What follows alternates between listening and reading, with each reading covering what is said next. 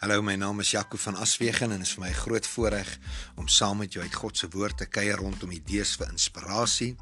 Mag dit jou geestelik verryk, mag jy baat vind daarbey en ons gebed is dat dit jou lewe radikaal sal verander en dat dit jou op 'n geestelike vlak sal bring wat alle verstand te bowe gaan. Mag die Here jou seën. Goeiedag. Dis vir my 'n groot voorreg om weer saam met jou te kuier uit die woord van die Here. En ek wil vandag begin deur vir jou die volgende vraag te vra. Wat is jou grootste droom? Wat is jou grootste begeerte? Dink vir 'n oomblik daaraan.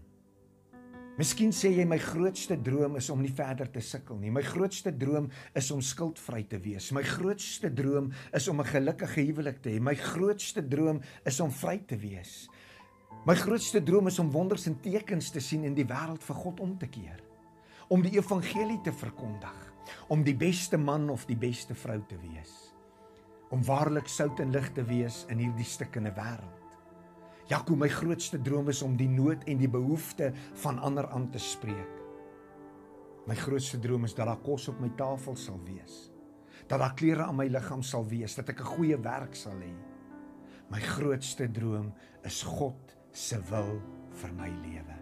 Jy sien die feit van die saak is elkeen van ons het sy eie droom, elkeen van ons het sy eie begeerte stem hier saam. Maar wat is God se droom? Wat is God se begeerte? Kom ek gee jou 'n hint. Johannes 3 vers 16 want so lief het God die wêreld gehad dat hy sy enige gebore seun gegee het sodat elkeen wat in hom glo nie verlore hoef te gaan nie maar die ewige lewe kan hê. Jy sien God se grootste droom en begeerte is dat jy nie verlore sal gaan nie, maar dat jy gered sal wees. En ek kan nie help as om myself die volgende vraag te vra nie, naamlik watse rol speel u en ek in hierdie vervulling van God se droom om hierdie droom en begeerte van God 'n werklikheid en 'n realiteit te maak? Wat probeer jy sê, Jakob? Ek wil weet Vertel jy die wêreld dat hy die antwoord en die oplossing is? Leef jy dat hy die antwoord en die oplossing is? It's easy to talk the talk if you walk the walk. Sal jy met my saamstem as ek sê dat ouers het oor die algemene sekere drome oor hulle kinders se lewens? Het jou ouers sekere drome oor jou lewe gehad? Het jy sekere drome vir jou kinders oor hulle lewe? Jy sien my grootste droom vir my kinders is is dat hulle die Here sal ken, dat hulle die Here sal dien en dat hulle vir die Here verskil sal maak en dat hulle die beste sal wees met dit wat God in hulle gedeponeer het. Met ander woorde, my droom vir hulle is deel van wie ek is. Stem jy saam? Nou as God heilig is en as God 'n God van liefde is, dink jy nie hy droom en hy begeer dat ons heilig sal leef en in liefde sal optree nie? So jy sien jy moet verstaan dat buiten die feit dat hy die God is wat nie wil hê dat jy verlore moet gaan nie, is hy ook die God wat vandag oor jou en my droom dat ons sy lewe van heiligmaking sal nastreef en dat ons as sy kinders in liefde sal opbereid. Kom ek vra dit weer. Wat is jou grootste droom en jou grootste begeerte? Maar hierdie keer rondom jou geestelike welstand. Kom ek maak dit maklik. Begeer jy om sy wil te doen? Jy sien as kind van God moet daar by jou hierdie gesindheid wees om in ooreenstemming met die wil van God op te tree en te leef. En as dit nie 'n gesindheid by jou is nie, dan is hierdie boodskap nie vir jou nie. En hierdie gesindheid kan vandag in een woord saamgevat word, naamlik geregtigheid geregtigheid, die gesindheid by die mens in ooreenstemming met die wil van God. En wat so kosbaar is van hierdie woord is die feit dat dit spreek ook van die gesindheid by die mens om reg aan ander te laat geskied. 'n Gesindheid wat die beste vir 'n ander wil hê. 'n Gesindheid wat die son oor 'n ander wil laat skyn. Dat 'n ander ook God se goedheid en sy guns sal beleef. 'n gesindheid wat uitroep dat hierdie God van wonders sy wil in 'n stikkende wêreld laat geskied. 'n gesindheid van liefde, blydskap, vrede, lankmoedigheid, sagmoedigheid, vriendelikheid, getrouheid, goedheid en selfbeheersing. En waarvan spreek dit? Die vrug van die Gees. En ek wil net vinnig met jou gesels rondom die gedagte die leraar tot geregtigheid. Joel 2 vers 23 sê en julle kinders van Sion juig en wees bly in die Here julle God. Want hy gee julle die leraar tot geregtigheid en laat op julle neerdal die reën die vroeë en die laat reëns soos voorheen. Wat is 'n leraar? 'n predikant 'n pastoor 'n dominee maar 'n leraar spreek in werklikheid van iemand wat onderrig gee en onderrig praat van onderwys of om te lei of opleiding te gee opleiding wat praat van om iemand boontoe te vat. Om iemand bekwam te maak vir 'n sekere doel en 'n sekere funksie. En waarin wil u en ek bekwam gemaak word in hierdie tyd waarin ons leef? Geregtigheid. En hier kom die monkey puzzle vraag. Is jy gereed?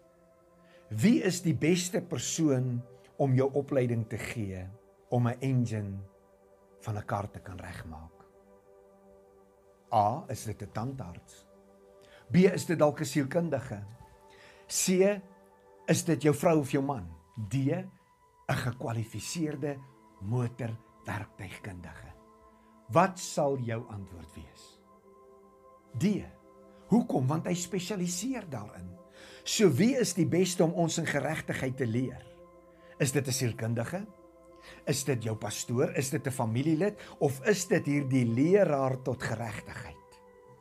Die leraar tot geregtigheid, want dis mos waarin hy spesialiseer. Kom ek vra jou nog 'n vraag. Hoe kry u en ek die beste opleiding? One on one. One on one.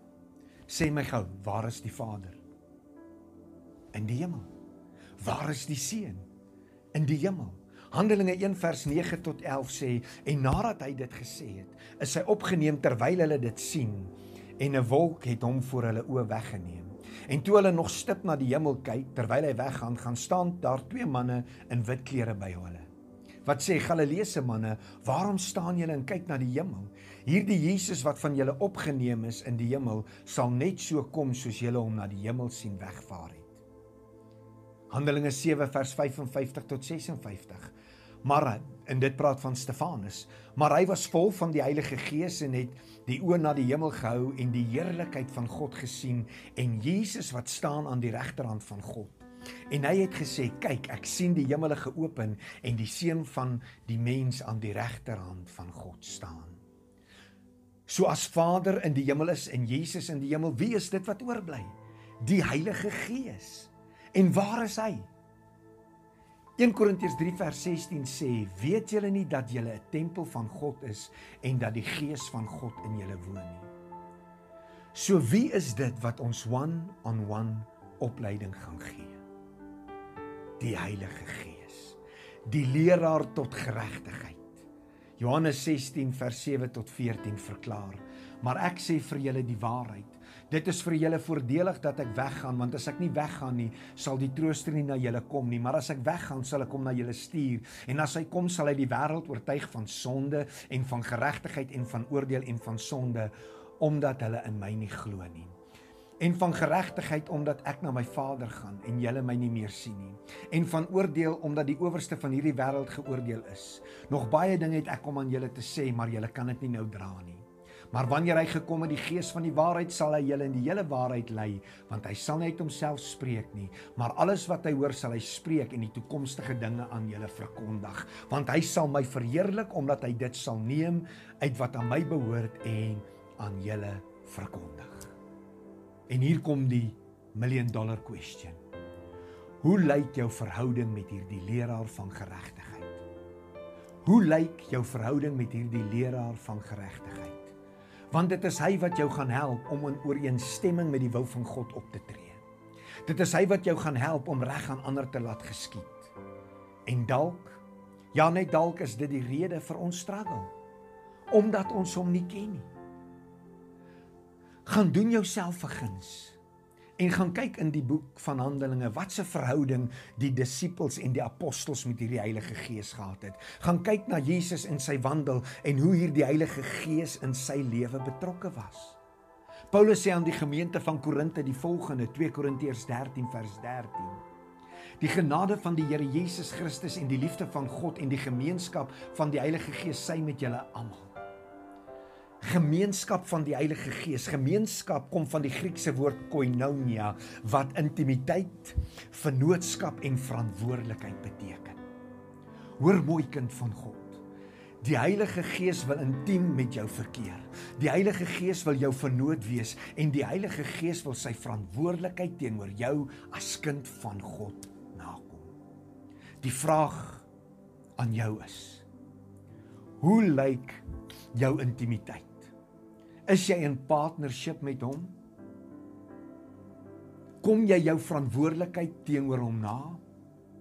Wat probeer ek vir jou sê? Maak tyd vir hom. Bou verhouding met hom. Hy staan gereed en hy wag vir jou. Wanneer laas het jy met hom gepraat? Het jy al met hom gepraat? Jesus se hele wandel op die aarde was deur die krag van die Heilige Gees. En as jy in die spore van die lam van God wil loop, then you desperately need the Holy Spirit, die leraar tot geregtigheid. Amen. Mag dit bewe waar jy lewe en onthou God het jou oneindig lief en jy is super special vir hom.